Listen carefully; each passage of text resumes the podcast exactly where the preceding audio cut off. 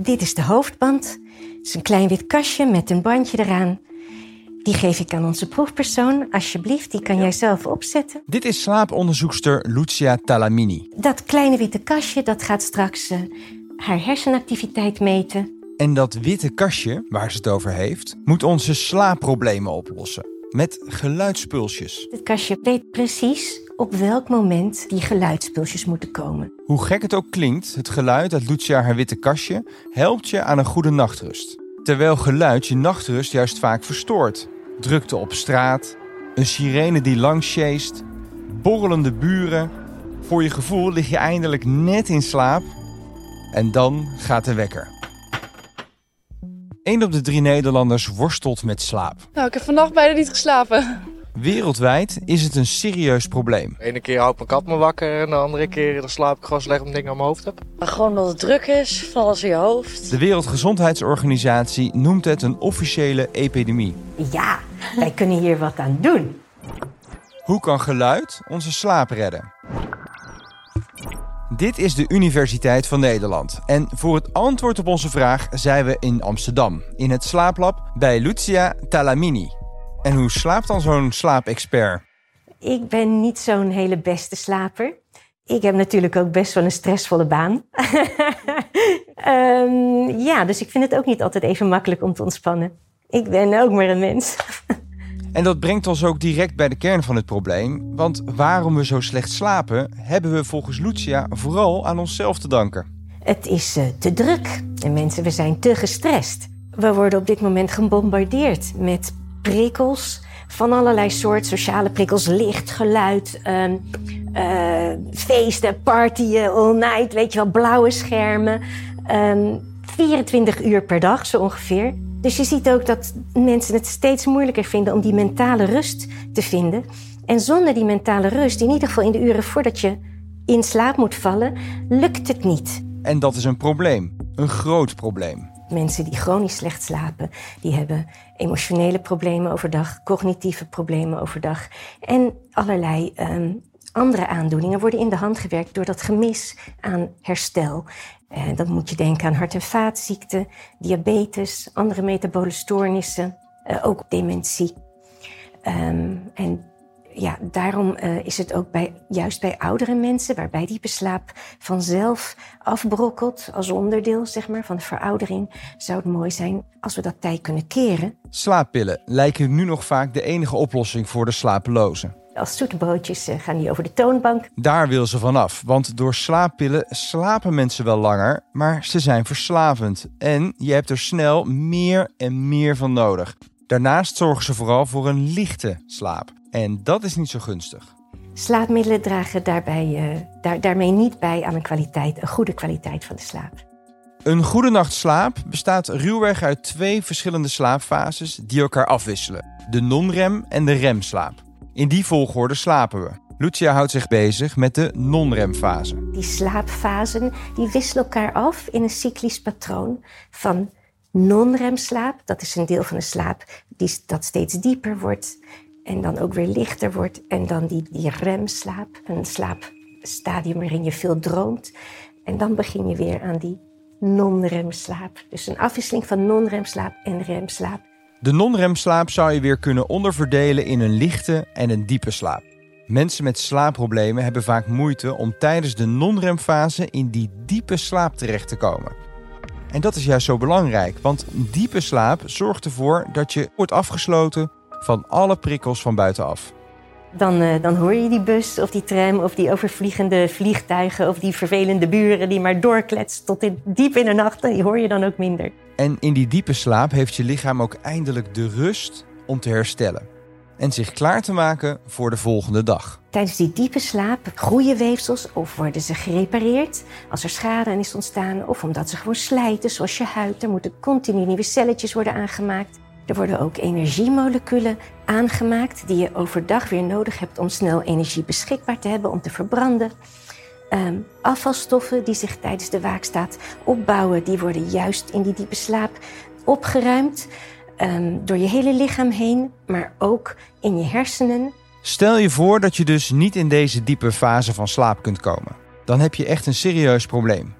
Lucia kan met haar witte kastje slechte slapers dieper laten slapen door middel van de geluidspulsjes waar we het eerder over hadden. Dit is het slaaplab.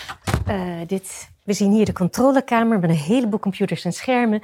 Daarmee uh, bedienen we twee slaapkamers. In een van de slaapkamers van het lab zit onze redacteur Larissa klaar voor onderzoek. Hallo. Ze gaat slapen voor de wetenschap met het witte kastje op haar hoofd. Dat witte kastje dat, uh, gaat zo de hersenactiviteit meten. En als ze in slaap valt, dan uh, gebeurt dat nog steeds.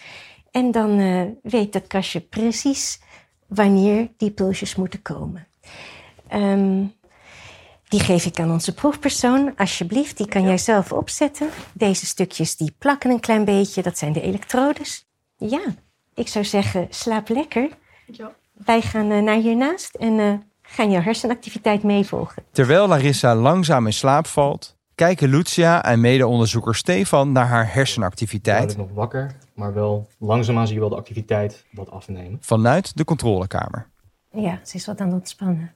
Ja. Larissa zakt steeds verder weg en op een scherm zien we hoe hersencellen, neuronen, zich anders gedragen als we slapen dan wanneer we wakker zijn. Of in de waakstand staan, zoals Lucia dat noemt. Tijdens de waakstaat zijn de miljarden hersencellen waar onze hersenen uit bestaan, zijn informatie aan het verwerken. De ene is met luisteren betrokken, de andere is met iets vangen of iets pakken betrokken. En ze doen allemaal hun eigen dingetje, signaaltjes afvuren, allemaal iets verschillends.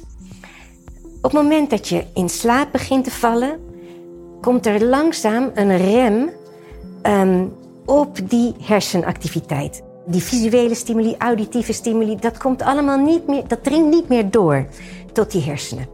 En die hersencellen komen dan in een soort uh, stand-by modus. In die stand-by modus zie je dat die celletjes nog wel actief zijn, maar niet meer hun eigen dingetje doen. Ze gaan juist allemaal tegelijk hetzelfde doen.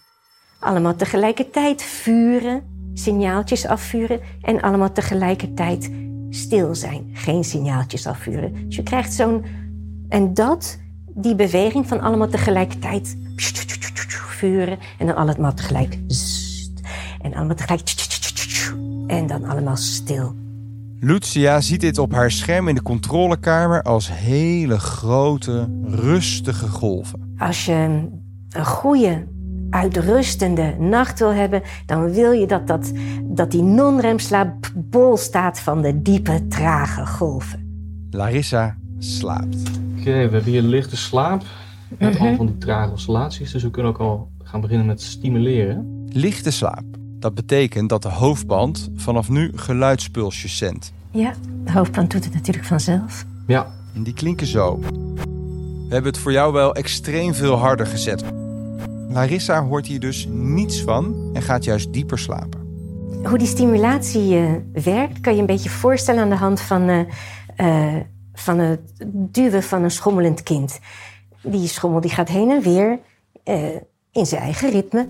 Hangt af van hoe zwaar dat kindje is en hoe lang die ketting en zo. Iedereen heeft zijn eigen ritme. Je hersenen hebben ook van iedereen hebben hun eigen ritme. En wat we doen met dat geluidspultje is eigenlijk precies op het moment, op het laagste punt, die schommel een zetje geven. En zo werkt dat met die geluidspulsjes ook. Net op het moment dat die natuurlijke hersengolven naar een hogere energie gaan, geven we net even zo'n geluidspulsje mee als een soort stimulusje. En, dat, en daar krijgen een heleboel van die celletjes die samen actief zijn, die krijgen een extra energiepulsje mee.